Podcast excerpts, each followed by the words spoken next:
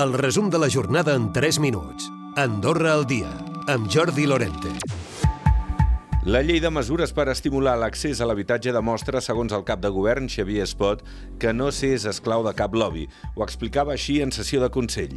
Si aplicàvem la mateixa recepta que els anys anteriors, tots els lloguers s'haguessin incrementat al tom del 7%. I per tant això per nosaltres era absolutament inconcebible i crec que justifica bastament que nosaltres no som presos de cap lobby, com diu el president del seu grup parlamentari. I mentre el PS criticava el text, ja que diu que no dona respostes a la pèrdua de poder adquisitiu. A més, rebutja que s'afavoreixin els desnonaments express. Pere López.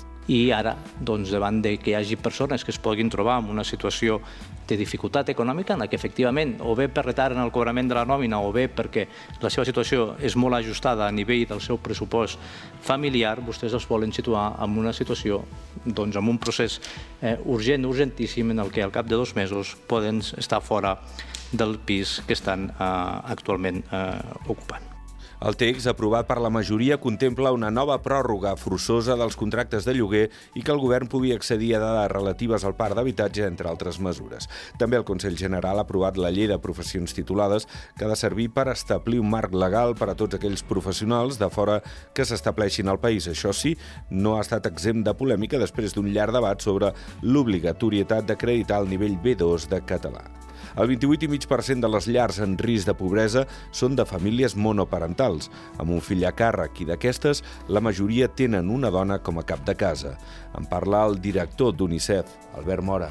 Volem conscienciar sobre la necessitat de fer més, més política i més suport en favor d'aquestes uh, famílies perquè les dades ho diuen automàticament un infant que estigui en aquesta família doncs té molt més risc de, de patir privacitat material.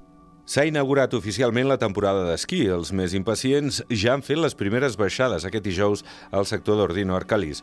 Els primers esquiadors de la temporada tenien moltes ganes de neu. Uah, que lo único que queremos es el primer día, imagínate. Y nosotros igual esquiamos siempre, entonces como uah, un vicio esquiar. Sí, está rico. Ya tenía ganas de esquiar y bien. Primer día disfrutarlo con los amigos i a passar-lo bien. Ja l'estàvem esperant des de feia temps i, i bueno, pues avui comencem per fi. Ja comença i ara ja a disfrutar, cinc mesos o així.